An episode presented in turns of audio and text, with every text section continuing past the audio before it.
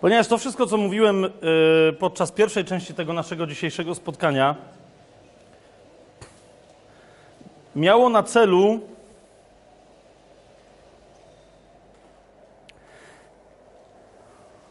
przypomnieć y, tym, którym ma to być przypomniane tutaj, także mnie, we właściwym kontekście prawdę, którą Pan Jezus wyraził, nie na swój temat, ale na Twój i mój temat, właśnie w 12 rozdziale Ewangelii Jana, e, w 24 i w następnym, i w następnym wersecie. Właśnie w momencie największego duszpasterskiego, powiedzielibyśmy, sukcesu swojego, kiedy przychodzą Grecy, zauważcie, odpowiedź Pana Jezusa wydaje się być jakaś w ogóle, e, jak- jakby w ogóle jakby był nienormalny. Oni mu mówią, że przyszli Grecy, a on im coś mówi, że ziarno musi obumierać. Ale zauważcie, że to się odnosi do nas. 12 rozdział Ewangelii Jana, jeszcze raz przeczytamy 24 werset. Amen ma amen. Powiadam wam, jeżeli ziarno pszenicy, które wpadłszy w ziemię, wpadło w ziemię, nie obumrze, pojedynczym zostanie ziarnem, ale jeżeli obumrze, obfity owoc wyda. I teraz e, zauważcie, Ewangelia Jana komentuje rzeczy, które chrześcijanie znali już z Ewangelii Mateusza, Marka czy Łukasza, bo one były wcześniejsze. Tak? Teraz zauważcie, to jest komentarz do tekstu znanego z poprzednich Ewangelii. Do jakiego mianowicie? O 25 werset. Pan Jezus mówi: Kto miłuje życie swoje, utraci je, a kto nienawidzi życia swojego na tym świecie, zachowa je na życie wieczne. I mówi dalej: Jeżeli ktoś chce mi służyć, niech idzie za mną, a gdzie ja jestem, tam i sługa mój będzie. Jeżeli ktoś mi służy, uczci go mój ojciec. W- widzicie, do jakiego fragmentu tutaj jest odwołanie?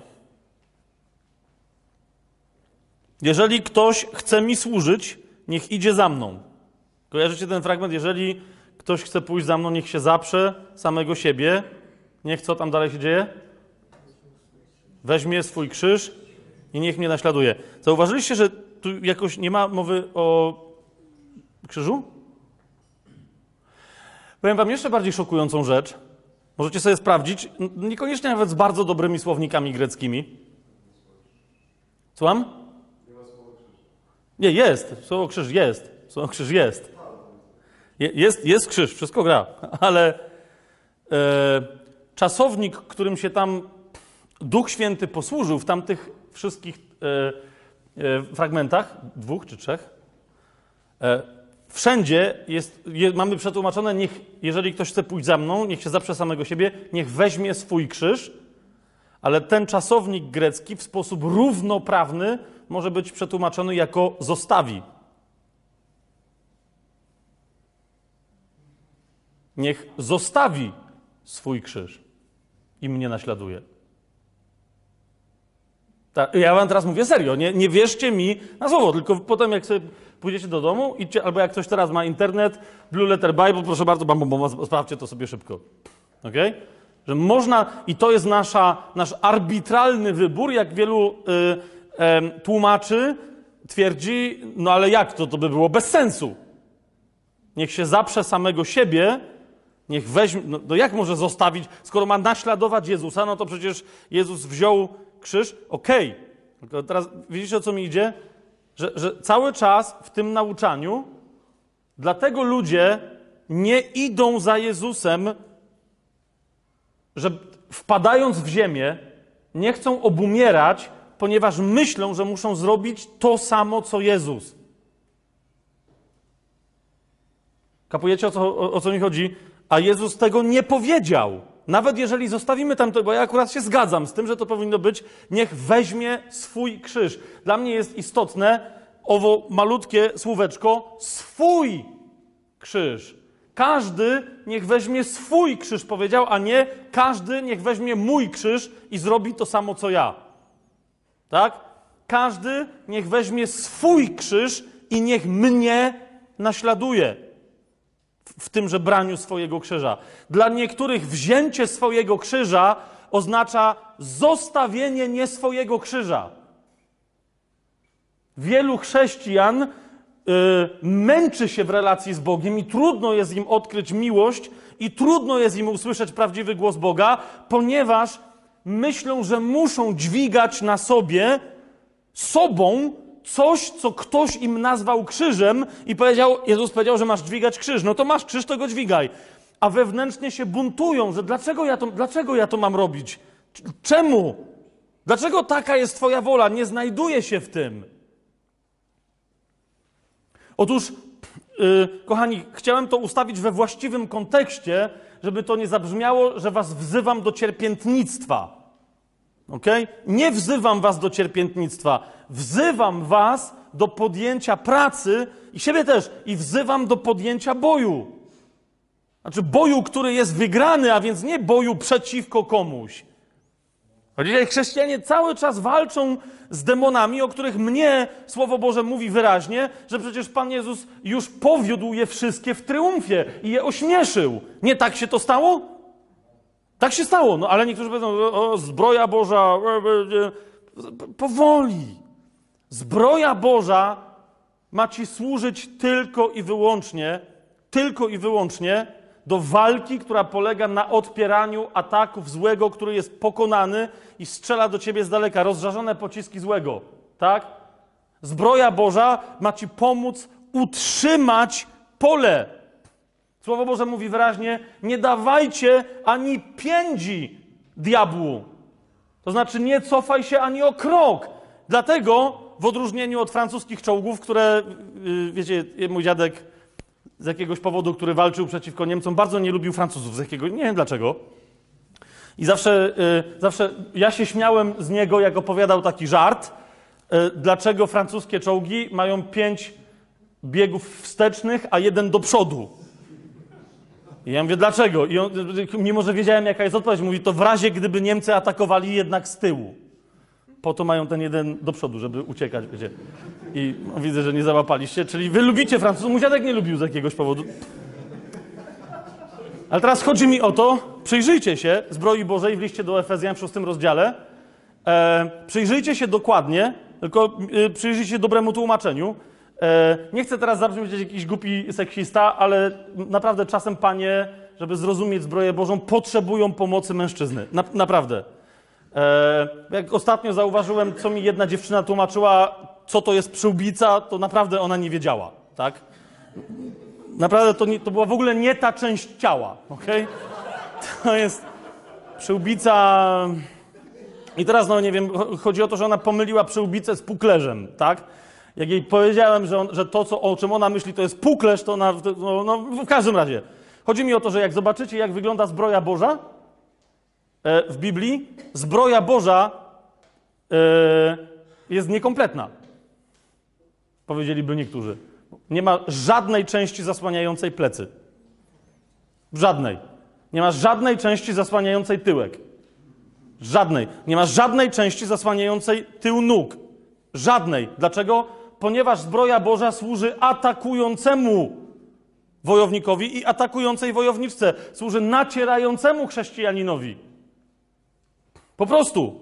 Rozumiecie? Zbroja Boża służy chrześcijanom, którzy są w ataku i nacierają na kolejne siły już pokonanego wroga, który musi być odparty z miejsc, które jeszcze okupuje, a on uciekając z tych miejsc, bo wie, że przegrał i nie ma siły przeciwko tobie, jedyne co może robić, to się oszczeliwać.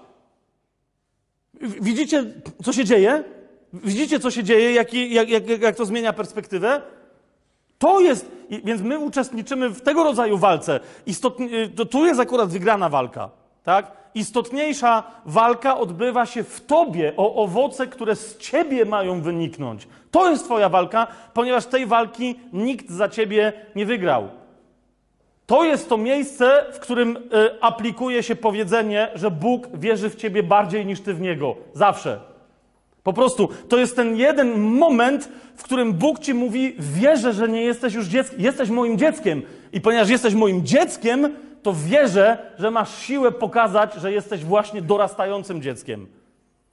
Nie muszę cię nosić na rękach. Masz siłę. Masz siłę mojego syna. Masz siłę, która w niego wstąpiła, która nawet kiedy został pobity fizycznie, to powstał z martwych. Przeszedł przez piekło i tam. Bo mi się teraz same nowochódzkie słowa cisną na, do, na usta, co tam zrobił, więc koniec. Ale wiecie, co on tam zrobił? Czystkę. A mo... Czystkę. I wyszedł. I króluje. I na jego imię musi się zgiąć wszelkie kolano. Istot niebieskich, ziemskich, podziemnych. I każdy język, chce czy nie chce, musi wyznać, że Jezus jest Panem. Ty, ty, łaski nie robisz, naprawdę, ty, ty nie robisz łaski Bogu, to On tobie zrobił łaskę. I ty nie robisz łaski Bogu, mówiąc, że Jezus jest Panem. Chodzi o to, żeby twoje serce zaczęło tak ciebie przemieniać, żeby cała twoja osoba krzyczała, że Jezus jest Panem. Rozumiesz, żeby ludzie do ciebie przychodzili i powiedzieli, czemu tak mówisz? Kiedy ty się nie odzywasz. Że ktoś do ciebie podszedł i mówi, wynoś się stąd. Dlaczego? Bo ja nienawidzę chrześcijan. Rozumiesz?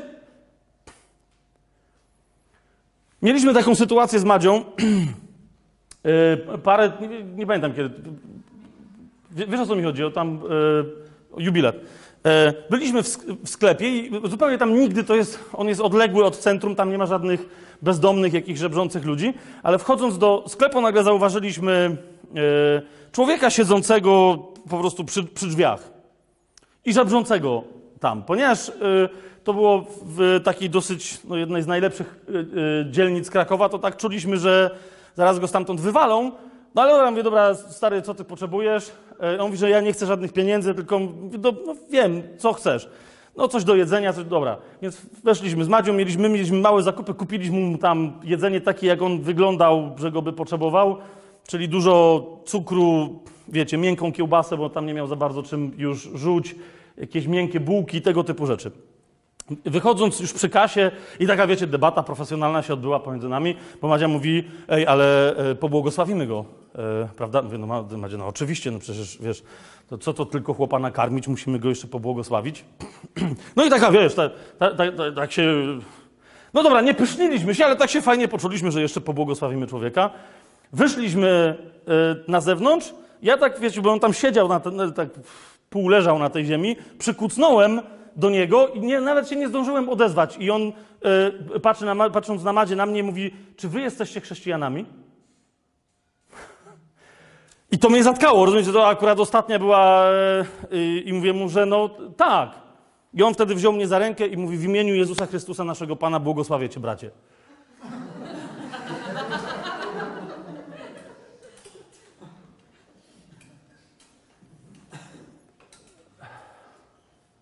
Znaczy on, to, on, tam, on tam dalej kontynuował, rozumiecie, taki był profesjonalny, taki mówi Adonai, nasz Pan, który jest Panem błogosławieństwa, niech wam tam coś, rozumiecie? E, ja myślałem, że tam umrę, dlatego, że on mnie rozpoznał jako swojego brata, a ja jego nie. Teraz chodzi mi o to, dla, I potem myśmy to sprawdzili, bo pojechaliśmy od razu do domu, tak? Przywieźliśmy mu jeszcze jakieś tam ubrania, bo byśmy się właśnie wyprowadzali z tego domu. To nie mogliśmy go za bardzo gdzie wziąć, bo nie wiedzieliśmy, gdzie pójdziemy, a tam, okej, okay, wróciliśmy. Oczywiście okazało się, że już go tam wyganiali spod tego sklepu, więc go jeszcze odwieźliśmy, mm, gdzie tam chciał, żeby go odwieźć, ale po prostu ja miałem, bo byśmy go sprawdzili. Wiecie, czasem tacy ludzie, oni tam po więzieniach, po różnych, oni tam się nauczyli takich profesjonalnych technik, tak? Ale naprawdę ten gość Miał jakieś głupoty w głowie, tam jedną, drugą na temat. Pamiętasz, że tam coś gadał, że tam Maria Magdalena coś. Okej, okay, ale on naprawdę, rozumiecie, on wierzył w Jezusa. Ja miałem taki wtedy, to jest niemożliwe, to jest niemożliwe, że Bóg nie powiedział komuś w ciele Chrystusa, że, że jest brat, który potrzebuje pomocy. Rozumiecie, o co mi chodzi? Dobra, okej, okay, no powiedział nam i my teraz coś próbujemy zrobić, żeby bo ja nie wiem nawet, co teraz zrobić. No dobra, teraz mamy dom, to może go weźmiemy. A on, on tam miał konkretne, on tam miał, y, powiedział, nie, że gdzieś tam w Bieszczadach jest jakiś dom i że on tam chce, żeby go zawieźć, bo musimy jeszcze to znaleźć. No nie? Ale łapiecie, o co mi idzie? Eee... To, to nie są, to, to wiecie, to nie jest e, po prostu, po prostu, my, ja, ja go nie rozpoznałem. On nie rozpoznał, ale teraz ja się mam z tego szczycić? Nie! Ponieważ ten, kto obumarł naprawdę, stał się jak Chrystus, rozpoznaje swoje ciało. To nie chodzi o to, że wow, bo wiecie, jesteśmy chrześcijanami, tu nas chłop rozpoznał. Ja go nie rozpoznałem. Dlaczego ciało Chrystusa go nie rozpoznaje? Dlaczego co jest grane? Ilu jest jeszcze takich braci? Ilu jest jeszcze takich, ile jest jeszcze takich sióstr? Co jest gra... Gdzie jest miłość pomiędzy nami? I, I według mnie, według mnie to jest cały czas kwestia właśnie tego, że się zajmujemy albo darami, albo doktrynami, albo tym, co jest biblijne, albo gdzie jest moc duchowa, a ani jedni, ani, dobra, nie mówię, że ani jedni, ani drudzy, bo niektórzy, ale najważniejsze w tym wszystkim jest, żeby, żeby nasza wiara działała w miłości poprzez miłość. A to jest niemożliwe, jeżeli my sobie nie pozwolimy wreszcie na obumarcie dla siebie. O tym mówię. I teraz ja wiem o tym, że tu dzisiaj są ludzie, którzy też o tym wiedzą. I są tacy, którzy idą tą drogą i, i, teraz, albo nie wiem, chcieliby na nią wejść, ale mówię ci, to jest najważniejsze w tym momencie. Słyszę od już nie wiem ilu lat o przebudzeniu w Polsce i tak dalej. Akurat teraz uważam, że naprawdę nadchodzi moment przełomowy. Ale ten moment przełomowy nie objawi się w ten sposób, że nagle ludzie zaczną latać po ulicach, czytając tylko i wyłącznie Biblię. Znaczy, jak zaczną latać, zaczną się kłócić, tak jak się kłócą, tak jak się Amerykanie na przykład kłócą, to, to, to co to za przebudzenie? Jeżeli zaczną latać, nie z Bibliami, ale 30 centymetrów nad chodnikami i wszyscy prorokować i śpiewać na językach i y, machać flagami i coś tam jeszcze, znaczy, ale z tego, na, ale to nie będzie wynikać z miłości, to, to, to, to też nie będzie żadne przebudzenie i to też padnie. Kto z Was był, a wiem, że jest parę osób, które kiedyś były w katolickiej odnowie. E, to, nie wiem, czy ktoś z Was był na początku na przykład 90. lat. Był ktoś? Okej, okay. to pamiętacie, że tam był ogień. No i co z tego? I teraz widzę znowu gdzieś tam ktoś mówi, że chodźmy do katolików, tam jest ogień. Ja już takich ogni tam widziałem wiele. I nie tylko tam. Potem te ognie albo się przeradzają w jakieś idiotyzmy pseudoduchowe, albo wygasają. Teraz dlaczego? Ponieważ prawdziwe dary, ponieważ prawdziwa miłość do Słowa Bożego, prawdziwa wierność temu, co tu jest napisane i, pra, i prawdziwe objawianie się ducha poprzez nas dokonuje się jako owoc, a owoc wychodzi z tego, kto jako ziarno wpadł w ziemię, obumarł i zaczął rosnąć. Jeżeli ktoś z Was zadaje sobie pytanie, gdzie są dary, gdzie jest moc w moim życiu, gdzie jest coś tam, gdzie jest pierwsza miłość, gdzie jest druga, gdzie jest. Zadaj sobie pytanie, czy już Bóg przeprowadził Cię przez proces wrzucenia w ziemię, w której jest ciemno i mokro, przez proces przegnicia Twojej skorupki, którą jest to, co cielesne. Czy przeprowadziwszy Cię przez ten proces, wyprowadził Cię na światło jako delikatną, ale przez niego pilnowaną roślinkę, która będzie rosnąć ku słońcu. Czy tak się stało w Twoim życiu, czy nie? Czy, te, czy jeżeli Ty prowadzisz innych ludzi, bo mogło się tak stać, czy, czy do tego prowadzisz innych ludzi, yy, dla których jesteś jakimś yy, liderem, nauczycielem, kimś tam? Rozumiecie? To jest najważniejsze.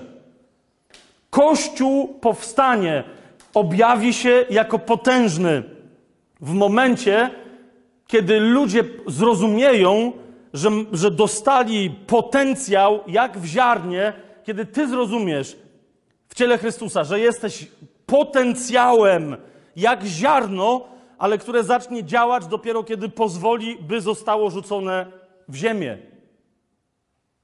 My często uczymy o, o przyjęciu słowa do swojego serca i uczymy o glebach. Pamiętacie, to, to jest bardzo ważne. Jezus powiedział, że ta przypowieść o siewcy, który sieje i że ziarno pada na różne gleby, zobaczcie sobie, w Ewangelii Mateusza między innymi, y, Jezus mówi, że jeżeli ktoś tej przypowieści nie rozumie, to żadnej innej nie zrozumie. Więc ona jest ważna. Ale tu mówimy o czymś innym. Mówimy o uwolnieniu Twojego duchowego potencjału. Nie, nie o uwolnieniu potencjału osobowościowego czy czegoś tam. Nie. A to dokonuje się tylko i wyłącznie przez zgodę wyrażoną wobec Boga na to, żeby połamał Twoją skorupkę. Żeby Cię wrzucił w ziemię i żeby rozpoczął żywotny i życiodajny proces zgnicia tego, co zmysłowe. To nie jest, i to, to, to, to nie oznacza, że w związku z tym, jak cię zacznie boleć w krzyżu, to masz się temu poddać. Wręcz przeciwnie. Wręcz przeciwnie. To nie oznacza, że masz wejść w jakieś standardowe rozumienie e, tego, czym jest upokarzanie się, umartwianie się. To jest w ogóle nie o to chodzi. W ogóle nie o to chodzi. Standardowe rozumienia zawsze prowadzą do wypaczeń. Religijne rozumienie na przykład pokory jest jakie? Że osoba pokorna się nie odzywa i się wycofuje. Zgadza się? Wiesz, brak ci pokory. A okej, okay. przepraszam najmocniej. Bardzo, naprawdę.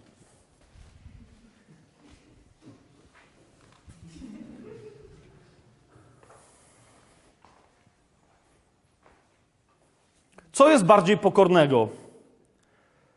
Być anonimowym komentatorem czyichś ewangelizacyjnych działań? Wiesz, ja nie wiem, czy wy nagrywacie e, te ewangelizacje uliczne, czy, czy nie, ale załóżmy, gdybyście nagrywali, to wiecie, co by się działo. Tak? Ilu natychmiast chrześcijańskich, pełnych miłości, nauczycieli waszej pokory by się znalazło. Jak się robi ewangelizacje uliczne? Tak? Wśród nich byliby znane nazwiska Misiek 667, Jola 2Q. No wiesz o co mi chodzi, tak? Absolutnie znane postaci, 100 tysięcy osób nawróconych, przecież wiesz kto to jest. Co jest bardziej pokorne? Eee, nie odzywać się, przestraszyć się w momencie, kiedy cię zaatakują ci, od których byś się najmniej tego spodziewała, czy od których byś się tego najmniej spodziewał. Bo rozumiesz, ktoś przyjdzie i ci powie, ej, super, fajna rzecz, co zrobiliście na ulicy, okej? Okay? A potem pojawi się ktoś z tego zboru, z tamtego zboru, z czegoś i jeszcze powie, i powie, a dobra, jak, jak już nasi nie rozumieją, co my robimy, dobra, trzeba być pokornym, trzeba ich wysłuchać. Nie! Właśnie, że nie! Co jest bardziej pokorne wtedy? Nie skomentować ich komentarzy i robić dalej swoje, czy się wycofać? Co jest bardziej pokorne? Rozumiecie, o co mi idzie? Bardziej pokorne jest zawsze to, co się będzie podobać Ojcu. To jest pokorne. Pokorne jest takie działanie, które się podoba Ojcu. A, a to nie ma nic do rzeczy, czy ludzie powiedzą, że to jest pokorne, czy nie. Jezus był nazywany najbardziej bezczelnym człowiekiem na świecie. Jezus miał być ukrzyżowany właśnie dlatego, że został uznany za najbardziej bezczelnego człowieka na świecie. Ponieważ, jak mówili, czynił siebie równym Bogu. Nie tylko nazywał Boga swoim ojcem, ale siebie czynił równym Bogu. Trzy bezczelności. Gdzie jest Twoja pokora? Jezus mówi tutaj. Jestem cichy i pokorny sercem. Co wy na to? I dlatego właśnie mówię, ja jestem Bogiem. Dzień dobry. Nie spodziewaliście się tego. Jezus mówi, ale nie możecie uwierzyć, jeżeli szukacie potwierdzenia u innych ludzi, jakiegokolwiek. Wiara bierze się tylko i wyłącznie z szukania potwierdzenia u Ojca, z szukania chwały u Ojca.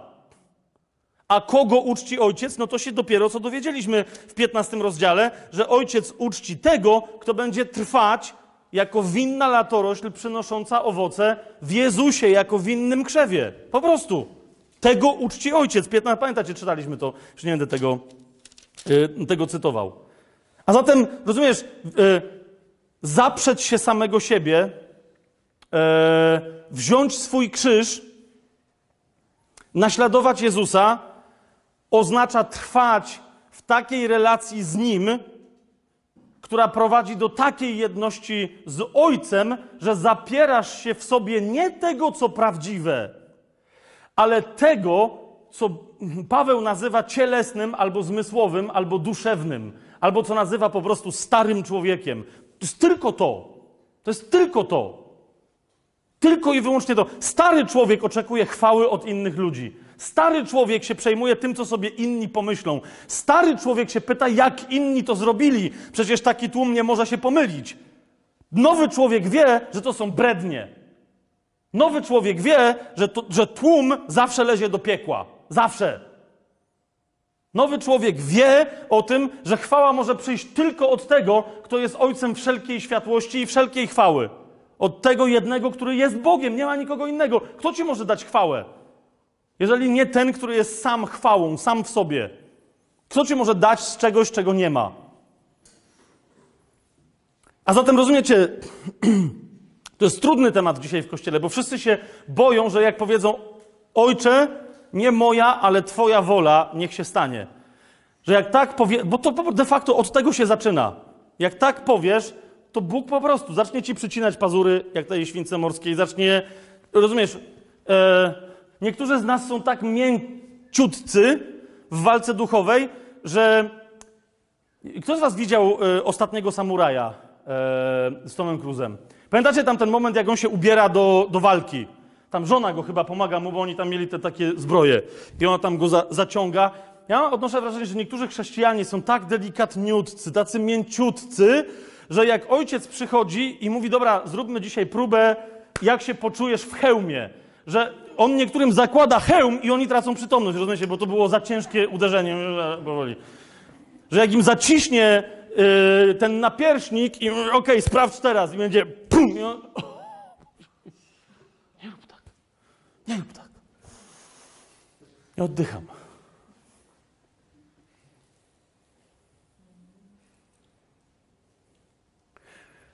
Mam znajomego, bardzo go szanuję, z wielu różnych powodów, ale ten znajomy e, kiedyś się przyznał przede mną, chodził na spotkania mniejsza o to, pierwszy raz w życiu doświadczył spoczynku w duchu. E, jestem bardzo podejrzliwy, gdy chodzi o spoczynek w duchu. Nie dlatego, nie dlatego, żebym nie sądził, że to nie jest e, prawdziwe zjawisko. Aczkolwiek e, zwróćcie uwagę, że w Biblii doświadczają go raczej niedobrzy ludzie. Także jak ktoś z Was ma tendencję, to niech przemyśli. Pamiętacie, przyszła e, tam kohorta cała i powiedzieli, Jezus się pyta, kogo szukacie? I oni mówią Jezusa z Nazaretu i mówi, ja jestem. I oni mieli spoczynek w duchu wtedy wszyscy. Może przyjść do kogoś duch i on może być na to tak nieprzygotowany, zwłaszcza w początkowym okresie swojego rozwoju, że go powali. O, właśnie, e, powoli. Ja teraz będę, teraz przyciskam skorupki. Ja wiem, że nie tylko. Ja teraz mówię o świadectwie mojego znajomego, który powiedział, że jak przyszedł i, i tego doświadczył, Bóg do niego mówił. Leżał na podłodze przez pół godziny, Bóg do niego mówił. Ale za tydzień przyszedł na spotkanie znowu. Tam wszyscy powiedzieli, że kto chce modlitwy, proszę do przodu, będziemy tutaj. Ten. I on oczywiście poleciał. Oczywiście znowu spoczął w duchu. Czy tam Bóg do niego mówił, e, to już nie do końca, ale, ale było mu bardzo dobrze. No i tak, następne spotkanie, następne spotkanie, nie pamiętam, które to było, piąte? Które, no, no załóżmy, że piąte. Przyszedł, znowu kto potrzebuje modlitwę do przodu i on tam podszedł i mówi, Boże, daj mi jeszcze więcej, jeszcze, jeszcze więcej. A, dodaj coś, dodaj coś. I zanim doszedł do tych tam kładących ręce, podeszła do niego jedna dziewczyna i mówi, e, ty nie, ty idź stąd. Dodał mu. Tylko on to zrozumiał dopiero jak się, rozumiecie, bo, bo on mówi, że ale co ja tu stoję? On mówi, nie, nie, ty idź stąd. Rozumiecie, i on się poczuł, on jakby, nie wiadomo po co, on, według mnie to, wiecie, to mógł być zupełnie proroczy gest z jej strony, wiecie o co mi chodzi? Ona mogła, nie, ona mogła, ale on sobie pomyślał, że ona go rozpoznała, że on łazi i tam pada i sobie pomyślał, że jeżeli ona sobie pomyślała, że ja tu przychodzę, żeby padać, a nie, to ja to, to, to nie, nie, to ja przecież nie po to idę. Ale prawda jest taka, że jak wrócił na swoje miejsce, to, to, był, to się zawstydził przed Bogiem, że on właśnie po to szedł. Kapujecie? Żeby tam upadać.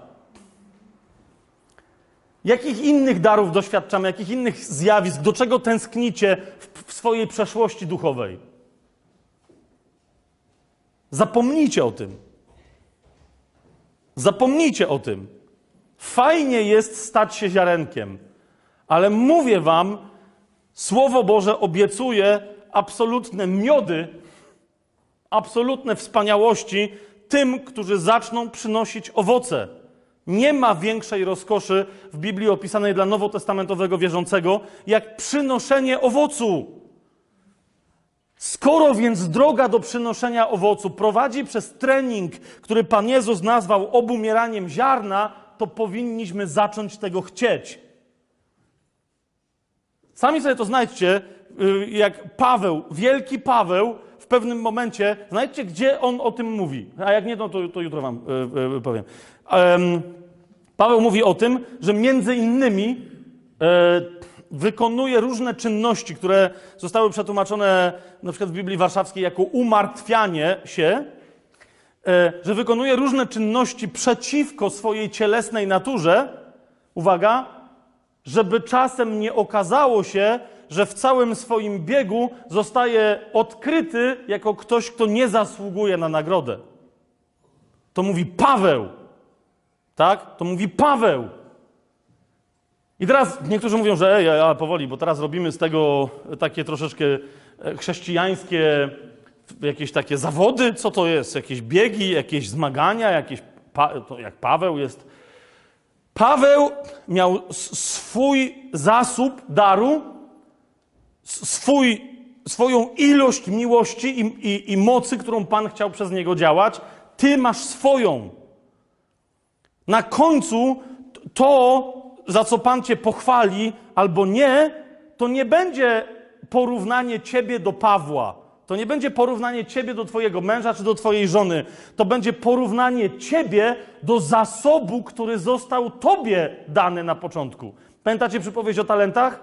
Jeden dostał jeden, drugi dostał trzy, następny dostał pięć i Pan ich między sobą nie porównuje. On mówi, ty miałeś inny, inną ilość pieniędzy, ty miałeś inne warunki, ty, ty mogłeś z tymi pieniędzmi wejść gdzie indziej. Ale to, z czym Pan ciebie porówna, to będzie twój potencjał. Znacie, wszyscy mówią, że nie, ale co ty w Chrystusie, wszyscy, wszyscy jesteśmy tacy sami w momencie, kiedy jesteśmy zbawiani, w momencie, kiedy otrzymujemy nowe życie, w momencie, kiedy Duch, e, zanurzając nas w sobie, zaczyna nas wypełniać i zaczyna już prowadzić nas do tego, żebyśmy się stawali tym, kim powinniśmy być. Ok? Ale jeżeli ktoś nadal mówi, że on dalej ma to samo po 20 latach bycia chrześcijaninem, jak inny chrześcijanin, tylko mówi, on się popisuje, a ja po prostu jestem pokorny, to odpowiedź moja brzmi: serio? Serio? Serio chcesz mi powiedzieć, że ziarenko dębu które trzymam w, swojej kieszeni, bo sobie lubię trzymać ziarenko dębu. Znaczy nie, żeby nie było, nie, nie trzymam żadnego ziarenka dębu, tylko mówię o tym, tak? Że mam ziarenko dębu. To ziarenko dębu dostałem od mojego taty 20 lat temu. A mój brat, nawiasem mówiąc, nie mam brata, tak? Żeby potem nie było, nie mam brata. A mój brat dostał też 20 lat temu ziarenko dębu od mojego taty i je sobie zasadził. Łapiecie o co mi idzie? To czy ktoś może z sensem powiedzieć, że ten dwudziestoletni dopiero, ale jednak już dwudziestoletni dąb mojego brata to jest to samo, co to moje ziarenko, które trzymam w kieszeni? Oczywiście, że nie. Oczywiście, że nie. A zatem jeszcze raz, jeszcze raz, nie idzie o to, żebyśmy my się teraz spinali, żebyśmy teraz, o Boże mój, to teraz ja teraz muszę coś dla Ciebie robić. Nie, właśnie rzecz w tym, że Ty nic nie musisz robić. Masz zacząć wreszcie dać się kochać i w ramach tego kochania masz pozwolnie rzucać się jak ta nasza czarna świnka morska, która się wydziera przy tym obcinaniu pazurków, tylko masz sobie zacząć dać obcinać pazurki. Jeżeli Bóg cię wypuszcza w jakąś sytuację, w której mówi spokojnie, spokojnie, i potem spokojnie, to idź w tą sytuację. Nie musi ci wyjść. Rozumiesz? Ludzie dookoła ci powiedzą, eee, przestań. To było słabe, no nie, w twoim wykonaniu. Co ciebie interesuje? Że ludzie ci powiedzieli, że dzisiaj twoje nauczanie było słabe? Czy interesuje cię, co ma ojciec do powiedzenia? A ojciec yy, ci powie, słuchaj, dobra robota. I za chwilę ci pokażę, co się stało. Yy, byliśmy w Lublinie. Miałem takie wrażenie, że coś gadam, gadam. Naprawdę E, wa walczyłem o, o, siebie w ogóle w pewnym momencie, w, w jednego dnia, w ramach e, tego, co tam mówiłem. Okej, okay, coś tam tym ludziom do nich dotarło, ale ja nie, ja, ja, nie czułem, co ja gadam. Rozumiecie? Co i róż wchodziły mi tematy, które mówię, Boże, ale to jest w ogóle, ja tego nie przygotowałem. Co w... e, no i gadałem. Skończył się cały dzień, ledwo stałem na nogach. Tam było, wiesz o co mi chodzi, tam ile było ludzi wtedy? 30 osób, tak? I, I, w dodatku wszyscy tam mieli być, wiecie, już e, z kościoła i tak dalej. I nagle podchodzi do mnie Madzia jeszcze z kimś i mówi: Słuchaj, przyszło tutaj dzisiaj małżeństwo, tak żeby posłuchać. Oni nie mieli ochoty nic i chcą przyjąć Jezusa. Więc mimo, że ja jeszcze ledwo pojechaliśmy do nich do domu, przyjęli Jezusa, ochrzcili się, że przyjęli Ducha Świętego. Wow! Jednego, być może, że to wszystko jakby coś, wiecie, dało innym ludziom, a być może, że ja, ja cały czas miałem, że to jest Kościół, w Kościele to ma być nauczanie, umówiliśmy się, a Duch Święty wiedział, że przyszła para, która potrzebuje głoszenia dla siebie. I przeze mnie, na, na szczęście, pomimo całej mojej ciężkości i oporności, bo ja twardo wiem, ale ja mam przygotowane Boże Słowo. I dobra, wejrzę. I no teraz powiedz to, no nie? To jest głupi przykład, dajesz.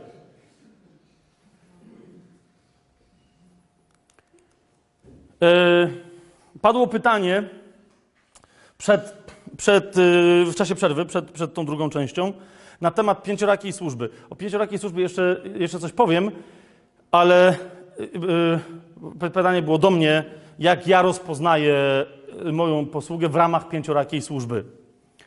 Otóż w ramach odpowiedzi chcę Wam zwrócić uwagę na coś takiego. Jak rozpoznajecie Wy w ramach pięciorakiej służby posługę Pawła? Kim był Paweł? Apostołem. To nie jest. Jak patrzycie, okay, to jest podstępne pytanie. Apostołem. On mi mówi, że jestem apostołem. Mówi też gdzie niegdzie, że jest nauczycielem. Ale yy, posłuchajcie, otwórzcie sobie dzieje apostolskie i zauważcie, yy, od czego zaczął Paweł. Absolutnie się zgadzam, od tego, że, że, że wystąpił jako ewangelista. I wystąpił tak, że zaraz jak wystąpił, to musiał zniknąć. Otwórzcie sobie dzieje apostolskie, dziewiąty rozdział, 26 werset. To jest y, zaraz po nawróceniu y, Saula.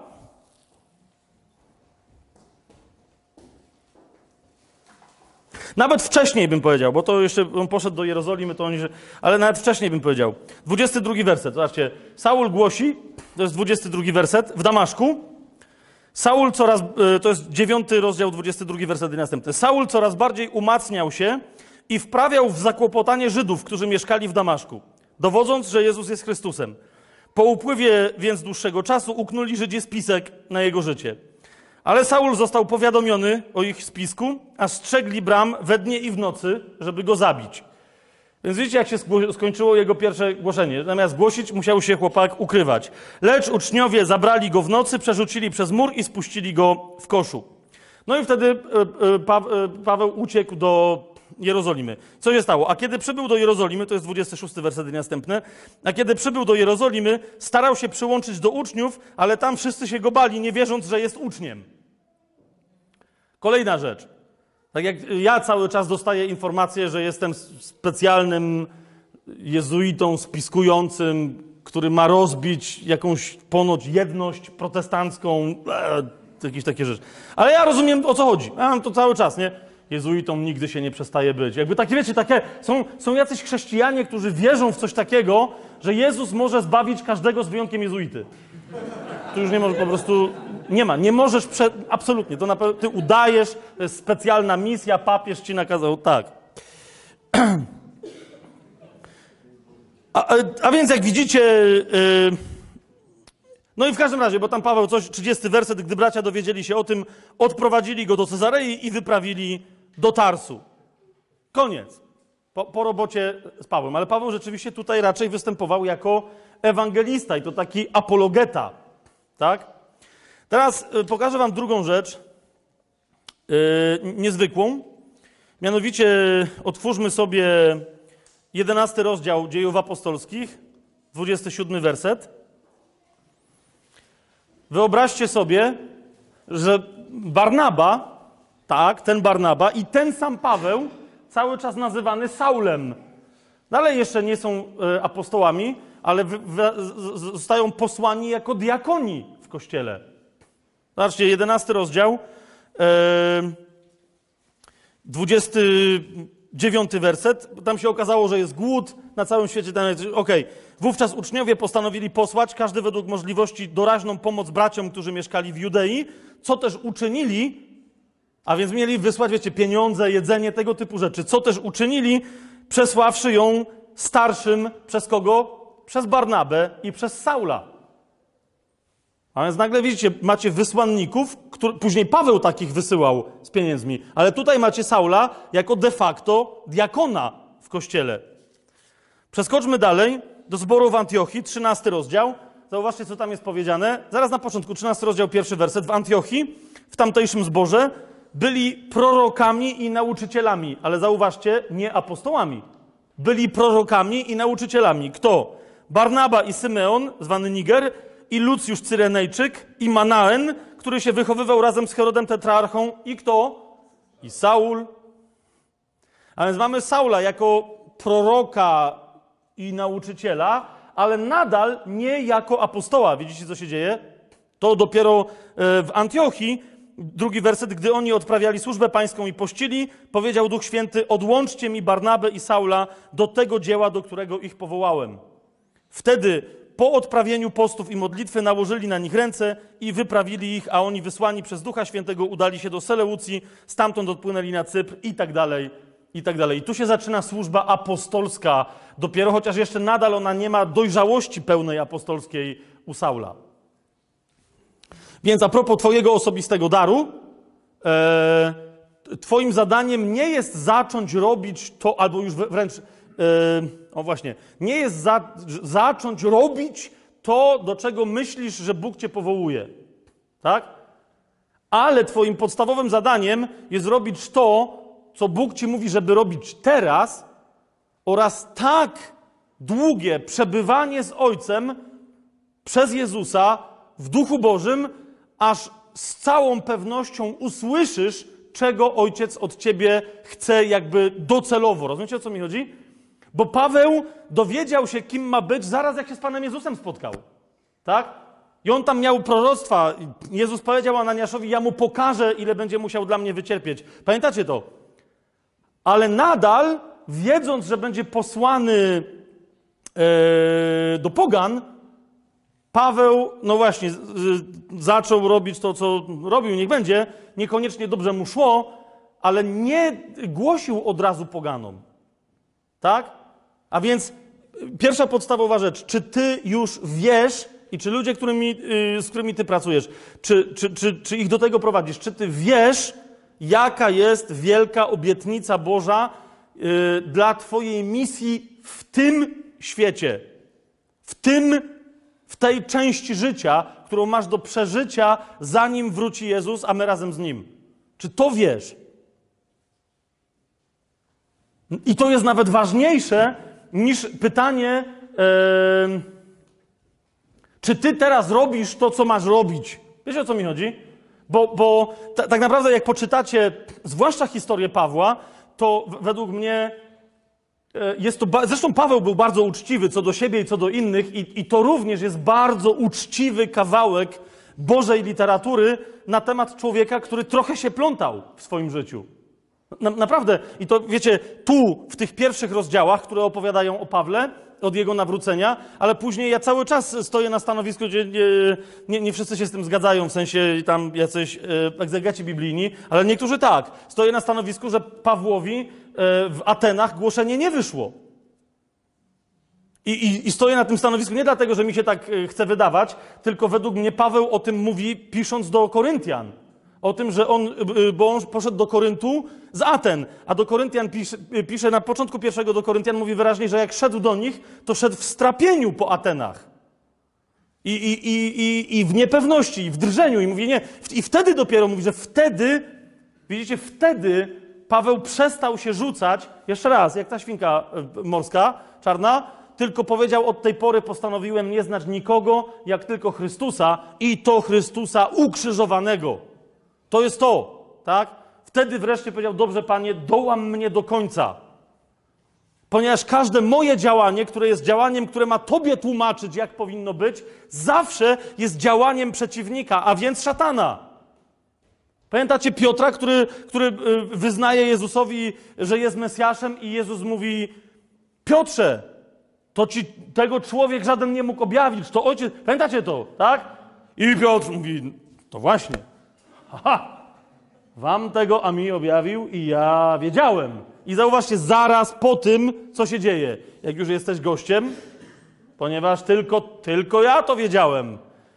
Jezus mówi, no ale teraz wróćmy do tematu, będę musiał cierpieć, będę musiał... I Piotr wstaje, rozumiecie, bo on już wiele mówi, panie nie, to, to nigdy na ciebie nie przyjdzie. To ja ci gwarantuję, że spokojnie.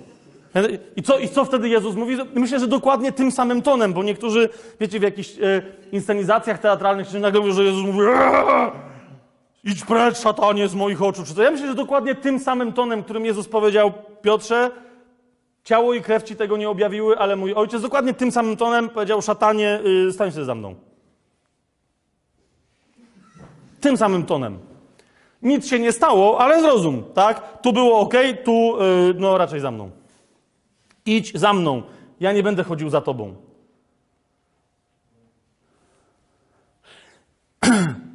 Jeżeli w swoim życiu masz rzeczy, o które masz pretensje do Boga, to znaczy, że cały czas chcesz, żeby Bóg szedł za tobą.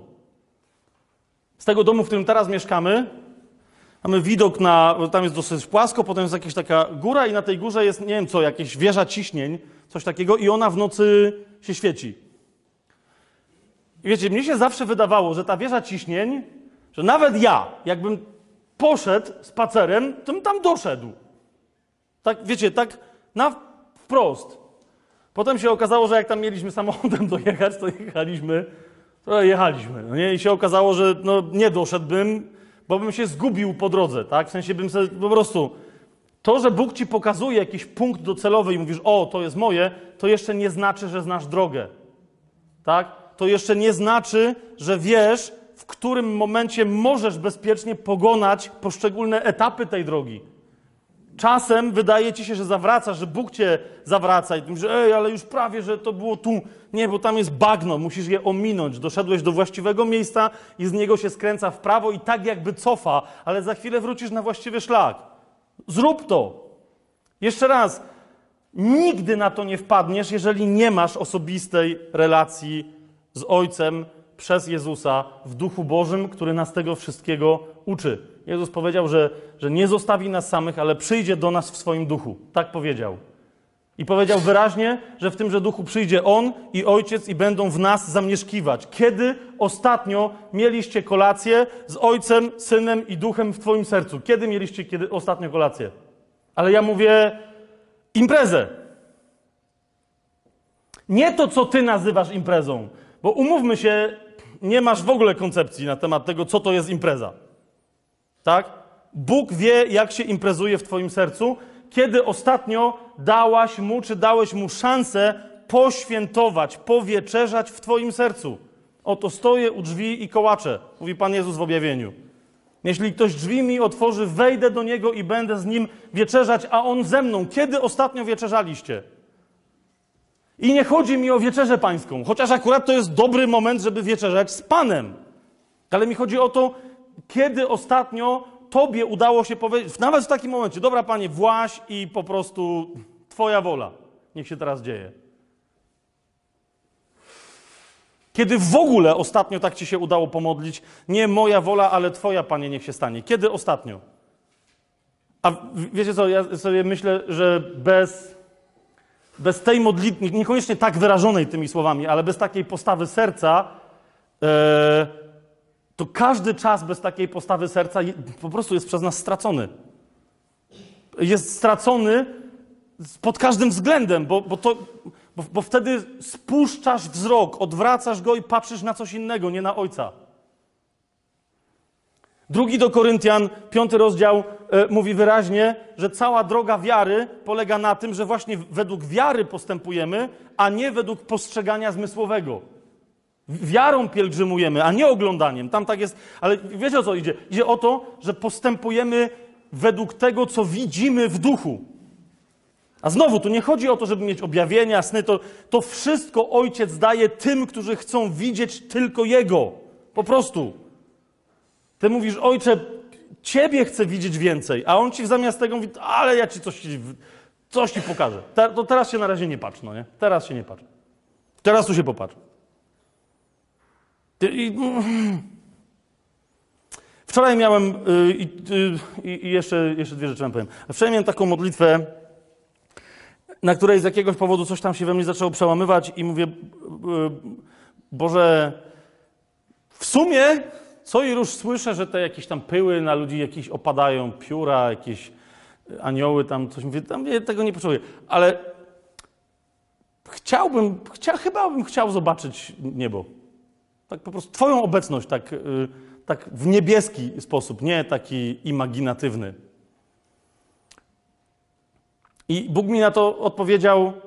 Yy, tak?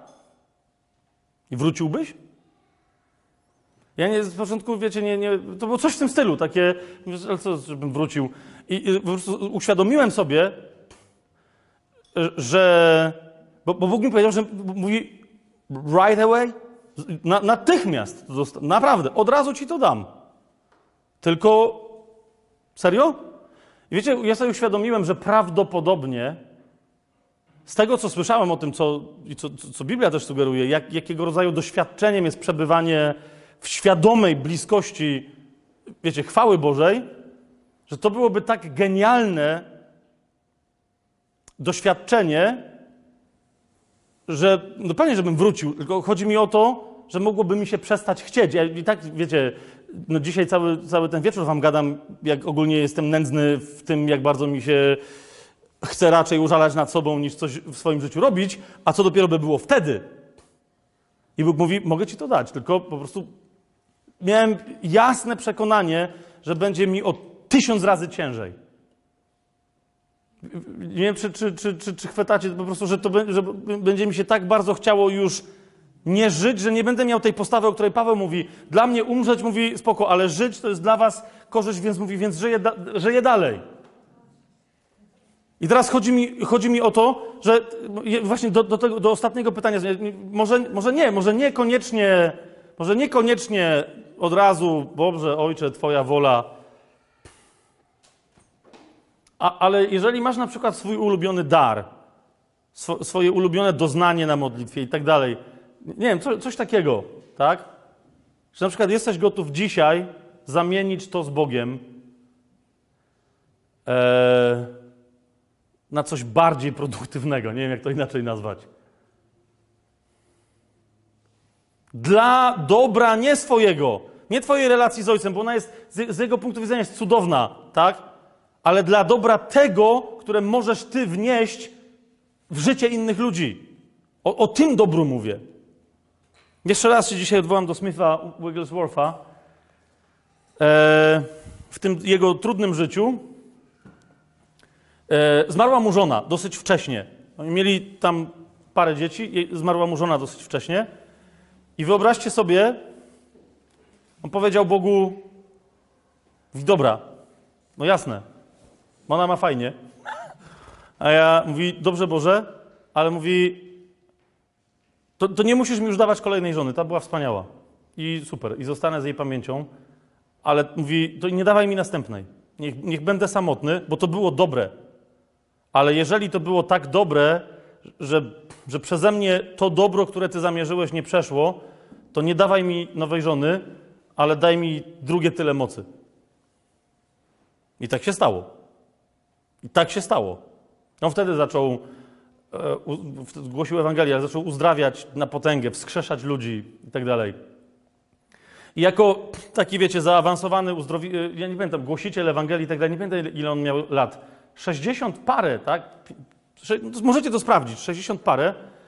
Ten wielki uzdrowiciel, i on za każdym razem, jak się tego typu rzeczy w jego życiu zdarzały, dosłownie tysiące ludzi przez jego posługę zostało, e, dziesiątki tysięcy uzdrowionych, tak? Jak liczą, setki tysięcy przyszło do Pana. E, ale jego córka była głucha.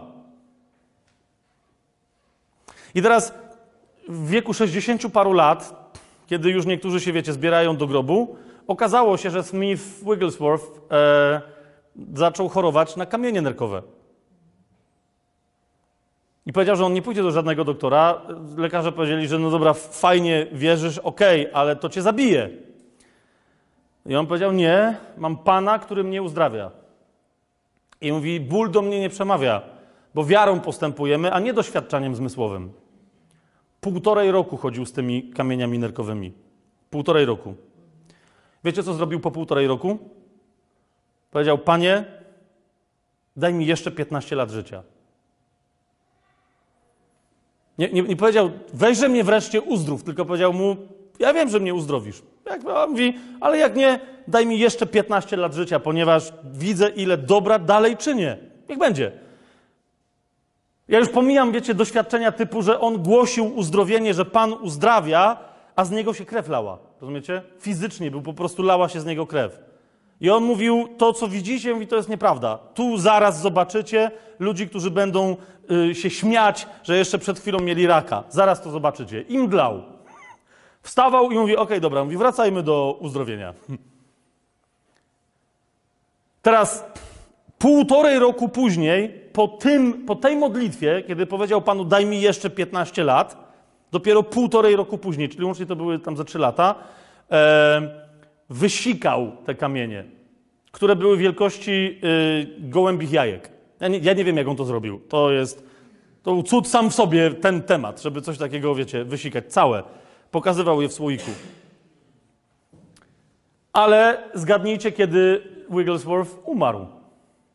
15 lat po tamtej modlitwie. Dokładnie. Tak? Natomiast rzecz, za którą wtedy podziękował Panu, że mu wcześniej tych kamieni nie wziął, to było, Panie, teraz dopiero zrozumiałem, jak musieli się czuć niektórzy z tych chorych, których biłem. I on wtedy złagodniał, nie, wiecie, wiedział, że naprawdę kogoś może boleć, no nie? I wystarczy na niego delikatnie położyć rękę, a czasem nawet nie to. Jeszcze raz, nie głoszę, wiecie, wiecie o co mi chodzi? Ja teraz nie głoszę, żebyście się wyprosili o cierpienie, tak? To, była jego droga, to nie jest twoja droga. Ja tylko mówię ci o tym, że ten człowiek wiedział, że nie ma niczego cudowniejszego jak przynoszenie owoców, które są owocami miłości między ojcem a nim w jego życiu. Nie ma niczego cudowniejszego. Patrzymy z podziwem na sportowców, którzy, o których, wiecie, teraz będzie jutro będzie chyba ta e, gala KSW, tak? I oni ćwiczą latami, wstają rano, biegają po ileś tam, wiecie, biją się, wojownicy, wszyscy ich podziwiają. O, co za gość. I teraz, jak powiecie, nikt nie, nie ośmielisz się powiedzieć człowiekowi ze świata, że taki sportowiec jest szmaciarzem. Nie ośmielisz się. Dlaczego? Bo to robi wrażenie, tak? To robi wrażenie, że taki Pudzianowski był y, strongmanem, i teraz wiecie, żeby zacząć się bić w klatce, musiał masę kilogramów stracić, tej masy mięśniowej, którą wcześniej miał, wyrobić sobie dynamikę. To jest cierpienie, dzień po dniu. I, i nie powiesz mu, że okej, okay. chodzi mi tylko o to, że jednak to jest bezowocne cierpienie. Chodzi mi o to, że za, za rok nikt nie będzie pamiętał, czy on nawalił tamtemu, czy tamten temu. Po prostu. Niektórzy, wiecie, profesjonaliści to będą znać, ale kto to tam to wie? Kto to tam wie? Ostatnio były jakieś tam Mistrzostwa Europy piłki nożnej. Kto i kto wygrał? A wiecie, był moment, kiedy wszyscy tym żyli. Eee, za kim jesteś? Jest tak samo jak z polityką. Ale teraz o co mi idzie? Widzisz, nie powiesz temu sportowcowi, bo jednak widzisz w nim, że no dobra, jakiś chłop sobie jakiś, czy kobieta jakiś, tak, jakiś cel sobie ustawiła, cierpiała, ale widzisz, czy, czy to było cierpienie destrukcyjne dla dla tej osoby? Nie, ponieważ było wypełnione sensem. Wiecie, jak brzmi słowo sens po grecku? Logos, czyli słowo. Chodzi mi tylko o to, że to jest słowo, które ma sens. I dlatego na przykład e, terapia e, doktora Wiktora Emanuela Frankla, e, która polegała na tym, że on po prostu sprowadzał człowieka do poczucia sensu życia, dlatego nazywa się logoterapia. Nie chodzi o to, że to jest leczenie słowem, bo każda psychoterapia jest leczeniem słowem, tylko że, że ta terapia sprowadzała ludzi i tym się różniła od klasycznej psychoterapii do odkrycia ich osobistego sensu życia. Tak? Z tyłu tam macie napisane nad, nad, nad, y, nad drzwiami, po grecku co prawda, no ale wiecie co to jest. Na początku było słowo, a słowo było u Boga, Bogiem było słowo i tak dalej. Równie dobrze możecie sobie to przetłumaczyć jako sens. Sens, który jest miłością, jeżeli ludzie potrafią sobie sensy poznajdywać, które ich nakręcają, także przechodzą przez cierpienie, wcale nie doświadczając go jako cierpienia, na przykład sportowcy, ale nie tylko, tak? Jeżeli ludzie sobie potrafią takie półsensy wyznaczać i one są wystarczająco sensowne na jakąś część życia, to co dopiero, kiedy ty masz w sobie jeden, jedyny sens, który jest życiem samym, prawdą, drogą? Co dopiero wtedy? Dlatego jeszcze raz mówię, widzicie, my patrzymy nadal na doświadczenie obumierania ziarna, które miałoby przyjść do nas w naszym życiu, patrzymy na nie, jak ona na pewno spadnie na mnie cierpienie. Nie! To jest zawsze doświadczenie bycia wypełnionym sensem. To jest doświadczenie, o którym często y, mówię, że brakuje najbardziej charyzmatycznym charyzmatykom. Bo są tacy chrześcijanie, którzy mówią, dobra, ja mam to, ja mam to, ale wiecie, są tacy, którzy mówią, przejąłem Pana Jezusa, mam nowe życie, mam chrzest wodny, mam chrzest w Duchu Świętym, wszystko. Ja się zawsze pytam, czy jeszcze Ci nie brakuje jednej rzeczy, którą Jezus miał i każdy z nas powinien mieć. Mówi, jakiej? Co jeszcze Jezus miał? Przypomnijcie sobie chrzest Jezusa. Ma chrzest. No jest sam Jezus, no to jest Jezus, dobra. Przyleciał Duch Święty. I tam mówi, okej, okay, fajnie. Co się jeszcze stało? Odezwał się Ojciec. Odezwał się Ojciec. To jest ostatnia rzecz, którą w tym temacie wam dzisiaj powiem. Czy w twoim życiu z mocą odezwał się Ojciec? A odezwawszy się, czy, czy pozwalasz mu dalej się odzywać? To jest to. Czy ty po prostu, bo rozumiesz, bo to, do, ostatecznie to się do tego sprowadza, tak? Robisz coś głupiego w swoim życiu. Robisz coś głupiego kompletnie w swoim życiu. Coś chcesz zrobić i to ci nie wychodzi. Pojawiają się jakieś przeciwności, robisz bardzo mądrą rzecz, ale mówisz sobie, to nie ma sensu. Czemu ci wszyscy mnie atakują? Wtedy, rozumiesz, jedyne do czego się zwracasz, to mówisz, ojciec. A ojciec mówi, jest dobrze. Naprawdę, jest dobrze. Teraz przemaściłeś tu i tu, ale fab, no jest dobrze, zobacz. Nikt nie potrafi ci powiedzieć prawdy tak, jak ojciec w Jezusie w Duchu Świętym. Wiecie o co mi chodzi? Bo nawet jak ma ci do zarzucenia coś, to nie będzie zarzut, tak? Tylko ci powie, wiesz, to się tak robi. Kto z was coś ćwiczył, nie wiem, muzycznie, niekoniecznie sportowo, inne rzeczy, nie wiem, taniec, co, jakiś, wiecie, ktokolwiek. Rozróżniacie dobrego trenera od jakiegoś dziada, który tylko próbuje wycisnąć na kimś performance, tak? Dobry trener to jest ktoś, od którego się przyjmuje z ochotą pouczenia, bo wiesz, że on ci naprawdę widzi ciebie i poprawia twoje działanie, tak? Ojciec jest najlepszy, gdy o to chodzi. Ojciec jest najlepszy. Do Niego mamy swobodny przystęp przez drogocenną krew Chrystusa. Przez Jezusa, jak przez bramę się wchodzi do Ojca. Duch Boży, jak nie wiesz, gdzie jest ta brama, od razu cię poprowadzi, tylko powiedz Duchu Święty, gdzie jest ta brama? Tu. Mogę wejść? No wejdziesz, bo są jest otwarte. O czym ci list do Efezjan mówi? Sprawdźcie sobie, jesteśmy współdomownikami Boga. Nie, że będziemy, ale tam jest powiedziane, że jesteście współdomownikami Boga. Serio chodzicie po swoim domu i się pytacie psa na przykład, czy możecie wejść do kuchni? Kurde, pies się nie pyta. Tylko musisz mu zablokować, mówisz, dobra, nie, nie wchodzisz. No ale pies, no ale no, to jest jakiś tam współdomownik. Ale już taki profesjonalny współdomownik, typu mąż, Dobra, czasem też się musi zapytać. Okej, okay, no dobra, dobra. E, I teraz pięcioraka służba i będziemy e, kończyć. Pięcioraka służba. Byliśmy na spotkaniu e, poświęconemu kościołom domowym. E, ale nie pamiętam kiedy. W Wancerzow, to jest Wancerzów, czyli w Wancerzowie pod Częstochową. Świetna, tam się świetny kościół zawiązał, bardzo się prężnie rozwija yy, Wancerzów.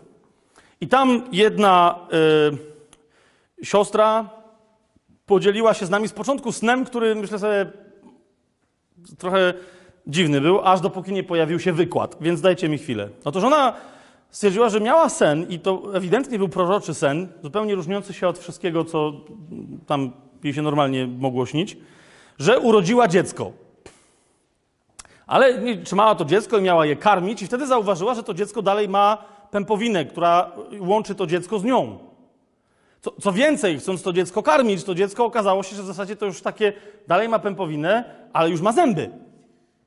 I jest takie, wiecie, dość groźne, gdy chodzi o karmienie go, jak się domyślam, yy, raczej. No ja tak nie wiedziała za bardzo, co z tym dzieckiem, czy je karmić, czy co. Ta pępowina ją trochę tam drażniła, więc zawołała męża, czy on się tam jakoś pojawił i mówi, co mamy z tym zrobić? On mówi, no nie wiem, to, bo to jakoś, żebyśmy nie popsuli tego dziecka, bo to, no nie wiem, jak się to robi, to trzeba kogoś... I mówi, że wtedy w tym śnie przyszedł jeszcze ich syn, yy, bodaj, I ten syn mówi, że no co wy się tak pieścicie? To może urwać i tyle, no to, to jest niepotrzebne nikomu. I zaczęła się, wiecie, debata trójki profesjonalistów we śnie, co się robi z pępowiną dziecka, które się dopiero co rzekomo urodziło, ale już ma zębce. Okej. I w tym momencie, ona mówi, że w tym momencie wszedł do pokoju Bóg. To nie było jakby jasno powiedziane, po prostu pełna światła postać. E, wszedł i powiedział najdziwniejszą rzecz, jaką mógł powiedzieć w tej sytuacji tej pępowiny. Powiedział pięcioraka posługa. I koniec. Okej, więc my tak wszyscy... No tak, no przecież...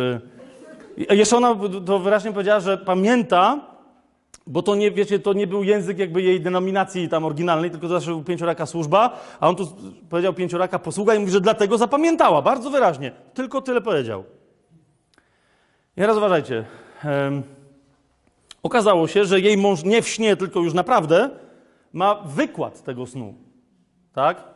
A wykład brzmiał następująco. W momencie, kiedy przeprowadzasz kogokolwiek do Chrystusa i on się rodzi. W momencie, kiedy przeprowadzasz ludzi masz całą, cały, całą nowonarodzonych społeczność, tak?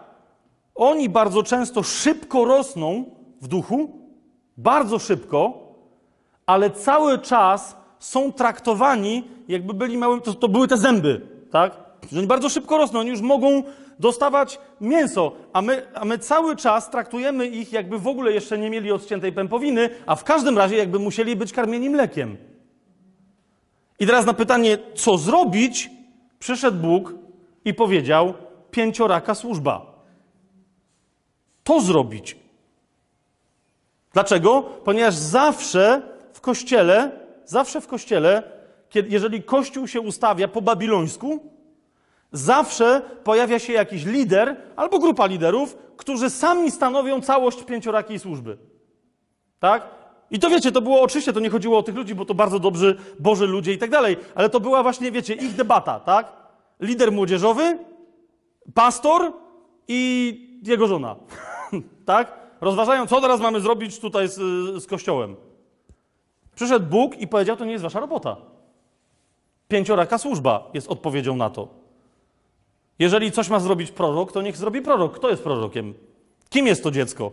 Jeżeli coś ma zrobić ewangelista, to niech zrobi ewangelista. Jeżeli coś ma zrobić pasterz, to niech zrobi pasterz. W Biblii nie ma słowa pastor. W ogóle. Nigdzie. Tam, gdzie jest powiedziane pięcioraka służba, jest wyraźnie powiedziane pasterz, a nie pastor. To, że po łacinie pastor znaczy pasterz, to mnie w ogóle nie interesuje. Ponieważ to jest ten sam pasterz, co jest pasterz, wiecie, od owiec. Jak Pan Jezus mówi, tak? Ja jestem dobrym pasterzem, a moje owce mnie znają. I tam jest dokładnie takie samo greckie słowo. Jest apostą, ok? To, to też można było przetłumaczyć inaczej. Prorok, ewangelista, pasterz i nauczyciel. Otóż nie ma innej drogi, według mnie, do autentycznego przebudzenia pięciorakiej posługi w kościele, jak tylko społeczności domowe.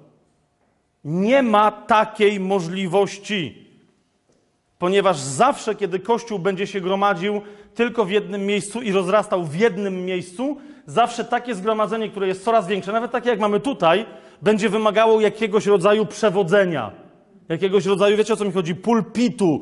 I, I zawsze wtedy będą ludzie, którzy będą siedzieć w ławkach, więc będziecie mieli kościół ławkowy. I ci ludzie siedzący w ławkach momencie się przyzwyczają powiedzą, no dobrze, no to prorokujcie nam teraz, teraz nas nauczajcie, teraz nam pokażcie, jak się robi ewangelizację, pójdziemy za wami, będziemy stać za wami. Kto to jest od ewangelizacji? I to są zawsze ci sami ludzie. A zau- zauważcie, dzieje apostolskie nas pouczają. Yy, otwórzmy sobie drugi rozdział.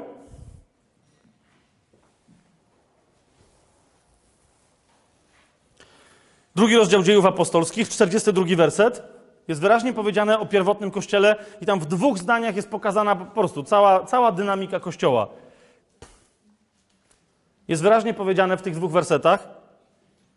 42 werset. I trwali w nauce apostolskiej i we wspólnocie, w łamaniu chleba i w modlitwach.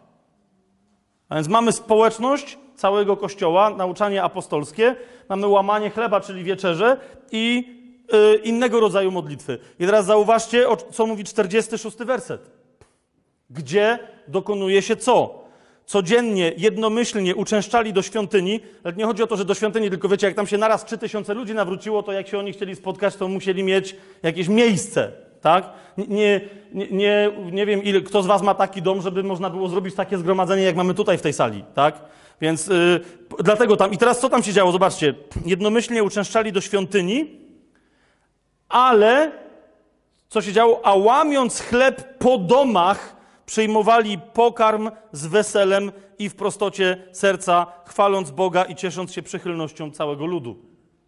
A więc widzicie, e, co innego działo się na wspólnych zgromadzeniach, to jest społeczność, ale to jest zawsze społeczność kościołów spotykających się po domach. Tak? Potrze jak, zawsze jak, jak mówimy o kościołach domowych, to, to, to, już ktoś, nam, ktoś mi tam zarzucił, że czy my czasem nie tworzymy nowej denominacji ko, y, kościołów domowych. Absolutnie nie, dlatego że y, widzę taką tendencję ludzi, którzy się, y, których poraniły kościoły, poraniły zbory. Wiecie, te struktury z liderami, którzy myślą, że coś tam mają prawo zarządzać czymś i tak dalej. Pan Jezus powiedział wyraźnie, u was tak nigdy nie będzie. U was tak nie będzie. Ale rzeczywiście widzę, zwłaszcza w Polsce jest to dla mnie zrozumiałe. Tak? I, i, I, było to dla mnie zrozumiałe, jak odchodziłem od Kościoła Rzymskiego, a staje się dla mnie zrozumiałe, jak teraz widzę struktury niektórych zborów e, protestanckich, charyzmatycznych, zielonoświątynnych, jak, jakich chcecie. Że tak naprawdę e, tam był proboszcz, tu jest pastor, ale jakby, wiecie, system e, polega na tym samym. Na, nadal jak chcesz coś zrobić, musisz iść po dyspensę do proboszcza i po pozwolenie do pas- i tak dalej. Niby dlaczego? Bo co? I to w każdej kwestii, tak? No to ty jesteś pasterzem, czy jesteś ewangelistą? Czy jesteś apostołem? No ale to co robisz winy? I tak dalej, i tak dalej. Nie, y, nie właśnie. Y, kościoły domowe mają służyć budowaniu intymności wśród ludzi. Ale to co proponujemy wszędzie jako po prostu biblijny model, to jest przemyślenie sobie tego jako formy wzrostu, tam gdzie się tworzy uczniów, ale też jako miejsc, gdzie się szuka tych, których Pan namaszcza w pięciorakiej służbie i w innych szczególnych darach duchowych, o których Paweł na przykład mówi w pierwszym do Koryntian. Tak? Zobaczcie, jeżeli mamy takie zgromadzenie jak tutaj, Ile nam to czasu zajmie, aż u kogoś objawi się taki dziwny dar, jakim jest wyjątkowy, nadprzyrodzony dar wiary? To właśnie Paweł w pierwszym do Koryntian pyta się, czy wszyscy mówią językami. I jemu nie chodzi o to, że wszyscy by mogli, bo Jezus powiedział, że tym, którzy uwierzą, takie znaki towarzyszyć będą. Jemu chodzi o wyjątkowe dary w tamtym miejscu. Skąd to wiemy? No bo między innymi pyta się o dar wiary. Mówi, czy wszyscy mają wiarę? No i teraz jest pytanie, no jak to? No wszyscy. Ale jemu chodzi o dar wiary. Czy wszyscy mają dar wiary? Sprawdźcie sobie tamten, tamten fragment. Czy wszyscy mówią językiem? Czy wszyscy je wykładają? Czy wszyscy prorokują? Czy wszyscy mają cuda? I tak dalej, i tak dalej. I teraz chodzi mi o to, jak to się sprawdzi, jak będziemy mieli spotkania, na których yy, ktoś będzie nauczał, nawet jak będzie pięciu nauczających, dziesięciu, tak? Ale to będzie nauczanie, śpiewanie, uwielbianie do domu. Nara, super, niedziela udała się. W czwartek głosimy, wszyscy jesteśmy ewangelistami. Ale teraz chodzimy, ale, ale co z resztą darów? Teraz zauważcie, jak, je, jak, jak Paweł mówi, to tam nie jest czy wszyscy, ale czy każdy, tam jest pojedyncza osoba. Teraz zauważcie, jeżeli gromadzi się kościół domowy i w tym kościele jest na przykład sześć osób, to nie znaczy, że wszyscy będą tam, yy, że będzie nauczyciel, ktoś tam, ktoś tam. Nie, ale jak tam powstanie nauczyciel, to szybciej będzie go można odkryć. Wiecie o co mi chodzi? Bo po prostu bo wszyscy powiedzą, dobra, dzisiaj potrzebujemy nauczania i ty nauczaj. Niektórzy, po prostu taka wspólnota dziesięcioosobowa powie reszcie kościoła poznańskiego, powie, słuchajcie, mamy genialnego młodego ewangelistę. Mamy genialną młodą prorokinię. Nawet jak prorokuje, nawet czapkę zakłada na głowę. Żeby było wszystko biblijnie. No wiecie o co. Paweł powiedział wyraźnie, tak? Że jak kobieta prorokuje, to w czapce.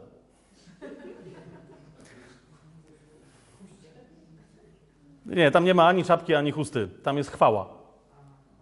To jest jeszcze lepsze. I teraz wszyscy bibliści mają tam problem. No, jest wyraźnie powiedziane, żeby kobieta zakładała na głowę chwałę. Mhm. Ze względu na aniołów. Teraz, ej, ej, teraz dzie- dziewczyny nagle mówią, ej, ej, to jest dobre nauczanie biblijne, ja chcę założyć chwałę, ale co to jest konkretnie? Także to możemy osobne spotkanie dla kobiet y, na, na, na, ten, temat, na, na ten temat zrobić. Zatem o, o, o to idzie, tak? Żeby mieć platformę spotkania dla kościołów domowych, ale to w kościołach domowych nie, nie zrobisz wieczerzy tam, gdzie nie wiesz, czy wszyscy są świadomi tego, co to jest wieczerza. Przypomnijcie sobie pierwsze do Koryntian, zanim dochodzi do darów, jak mówi wyraźnie o tym, e, że, niektó- że ci, co przystępują nieświadomi ciała pańskiego, a więc tego, czym jest Kościół i czym jest pamiątka, e, piją sobie wyrok. Więc dlatego, dlatego właśnie spotkanie domowe, na którym wiemy, że wszyscy są w kościele, to jest miejsce na wieczerze. A niektórzy z tego robią, wiecie, podzielmy się ze światem opłatkiem pokoju. Nie wiem, gołąbki hodujcie i rozdawajcie, tak? Na, naprawdę, wieczerza, zauważcie, wieczerza jest dla tych, a jest wyraźnie powiedziane, że kiedy się, Paweł mówi wyraźnie, że kiedy się gromadzimy na wieczerzy, głosimy co? Śmierć Pana, aż przyjdzie. Tego nie mogą robić ludzie, nawet którzy, wiecie, przyjęli Jezusa, ale jeszcze nie przyjęli śmierci na siebie Jezusa, żeby móc żyć w pełni, w pełni mocy. To jest naprawdę dla ochrzczonych. Zresztą pierwszy do Koryntian mówi wyraźnie, że jesteśmy wchrzczeni w jedno ciało, a więc pełne rozpoznanie ciała się bierze z chrztu, między innymi. Ale to nie będziemy teraz tego, tego rozważać, tylko jak widzicie, oni łamali chleb po domach. 46 werset drugiego rozdziału dziejów apostolskich. To jest właśnie dlatego, tak? Ludzie bali się, zobaczcie 43 rozdział, dusze wszystkich okarnięte były bojaźnią, albowiem za sprawą apostołów działo się wiele cudów i znaków. Tylko wszyscy, którzy uwierzyli, byli razem i mieli wszystko wspólne i tak dalej, i tak dalej. Więc ludzie się do nich jako do dużej społeczności trochę bali, e, trochę bali zbliżać. My, naszym zadaniem, wiecie, nie jest robienie PR-u Bogu. Że nie, niektórzy mają takie jakieś wyobrażenie, że ewangelizacja polega na tym, że mamy wyjść i po prostu powiedzieć, ej, słuchajcie, chrześcijaństwo jest super. Nie, nie jest. Musisz zdechnąć. Naprawdę. Znaczy i tak musisz umrzeć. I tak musisz umrzeć. Tylko zauważcie, są dwa wyjścia. Albo umrzesz beznadziejnie, albo umrzesz w, w nadzieję. Tak? Znam taką siostrę z Łodzi, absolutnie genialną pod tym względem.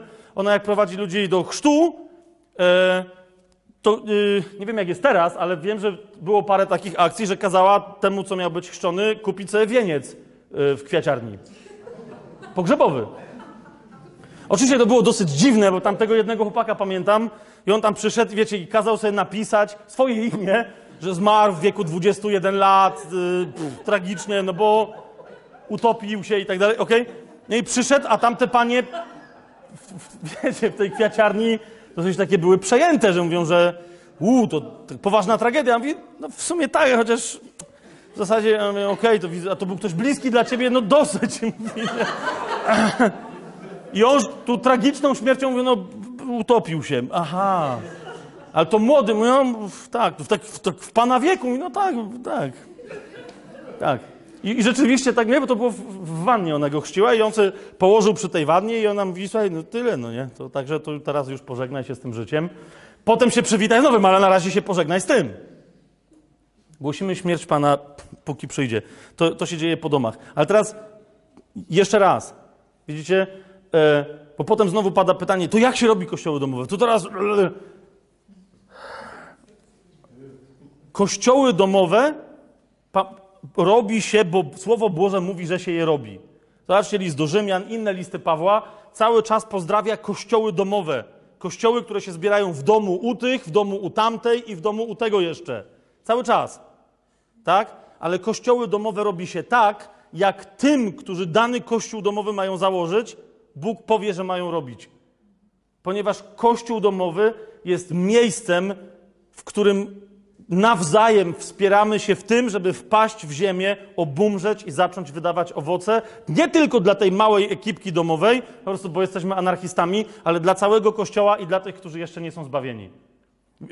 Łapiecie już, dlaczego ten dzisiejszy temat w ogóle nie był. Na, bo, po prostu, bo, bo książek na temat tego, jak się buduje, wiecie, system komórkowy doktora Yonki Cho z Korei, kościoły, masę znajdziecie modeli od Amerykanów, no, mnóstwo modeli, jak się buduje, i one czasem są, wiecie, dobre, tak?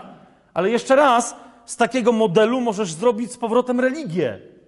Po prostu. A ten, kto ma relację z ojcem, od niego się dowie, jak ma zrobić to, o czym mówi słowo, że ma być zrobione. I już widzę, jak kościoły rosną. Amen.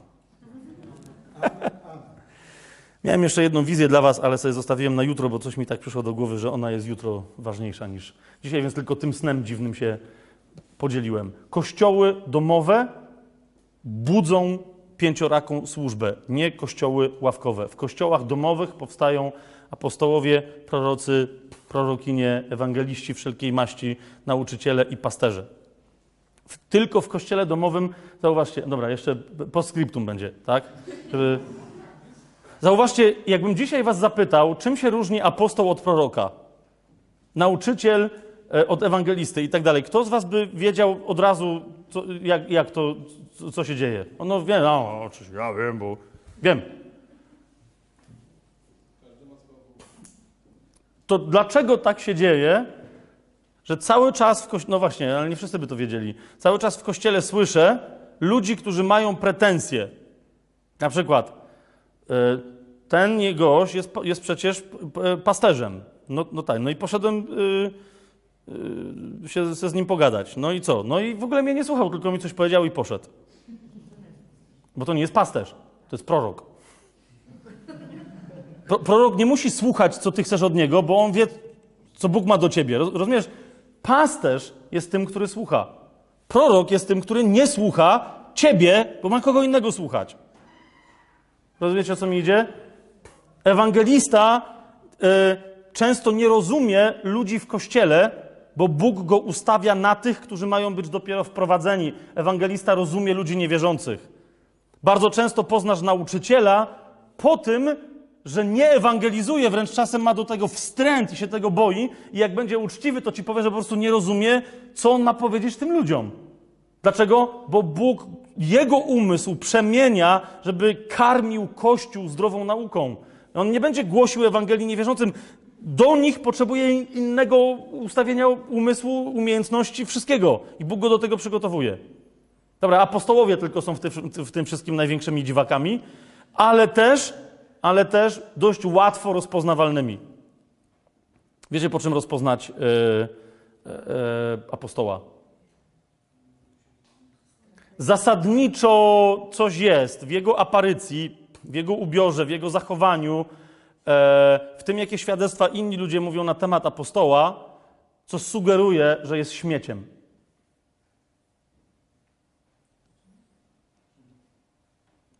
Yy, znajdźcie sobie w listach korynckich Pawła, co Paweł mówi na temat apostołów. Mówi: My, apostołowie, jesteśmy śmieciami tego świata. Dla niego było bardzo, dla każdego z apostołów, popatrzcie na, na każdego z apostołów, na pokorę Jana w, w objawieniu, kiedy Jezus do niego przychodzi i, i, i, mówi: Zbieraj teraz te wyroki i zapisz to wszystko. Popatrzcie na pokorę Piotra. Pokorę Piotra, o którym Paweł pisze, że go zrugał. Pamiętacie to? On mówi, że, że spotkaliśmy się i ten zaczął udawać, przyszli Żydzi i on udawał, że jest koszerny. Ja mówię, chłopie, przestań. Paweł to napisał o Piotrze, a Piotr potem pisze o Pawle, że on mądre rzeczy gada. Kapujecie? Pokora Piotra. Popatrzcie na pozostałych y, tych, których wiemy, że są apostołami. Oni po tym poznasz apostoła, że nie będzie mieć żadnej troski o swój wizerunek i jeszcze po paru innych rzeczach. Tylko, że apostołowie, wiecie, w posłudze zawsze robią to, co w danym momencie w kościele powstającym albo potrzebującym usługi, co jest tam potrzebne, a czego tam brakuje. Tak? Ale zawsze poznasz apostoła po tym, że nie będzie mieć szacunku sam do siebie ze względu na ogromny szacunek, jaki będzie miał do ludzi. I tak dalej. Jest taka. Wy sobie pomyślcie, ile znacie wśród swoich ludzi, ludzi, którzy, którzy mają, te, te, mają to posłannictwo dla Kościoła. Może ty mu potrzebujesz powiedzieć. Tak? Jest, jest, znacie to, tą, tą symbolikę ręki? Że y, pierwsi są apostołowie, to jest kciuk. Tak? Apostołowie mają swobodny kontakt z wszystkimi pozostałymi posługami, bo mają po części z każdej. Dzięki apostołom ręka jest chwytna, tak? to, to on mo, może zacząć robić rzeczy, konstruować kościół i tak dalej. Następnych macie kogo? Proroków, ponieważ prorok ma, jest palcem wskazu, on pokazuje, tak? Mówi to tam, to jest y, tutaj. Teraz y, niektórzy mówią, że to są ewangeliści. Czasem chodzi o to, że środkowy palec najdalej sięga, tak? Najdalej, najdalej sięga, e, w związku z tym oni sięgają najdalej, poza, poza Kościół, tak? Potem macie pasterzy, tak? To jest palec serdeczny i tacy powinni być pasterze, swoim wzorem zachęcać innych, wysłuchiwać ich, wspierać, a nie komuś tam coś nakazywać. I potem niektórzy powiadają, że no, tylko trudno opisać posługę nauczycielską, no bo to jest po prostu mały palec, ale jak mi ktoś, y, jak mi ktoś niedawno objawił, mówi, nie, nie, nie, nauczyciele potrafią wydobyć całą prawdę. Także, także nauczyciele, mały palec, ale od brudnej roboty często, no nie, więc... em, dlatego Słowo Boże ostrzega, nie chciejcie być nauczycielami. Jakub mówi naprawdę, o, nie wiecie, na co się piszecie. E, dobra, i teraz, i teraz już naprawdę na tym, jak, jak, jak, w sobie obudzicie pragnienie obumierania, trwania w miłości, oczekiwania chwały tylko od Ojca przez Jezusa i w Duchu Świętym, to cała reszta, po prostu Kościół będzie rósł tak, jak ma rosnąć. I teraz już naprawdę amen.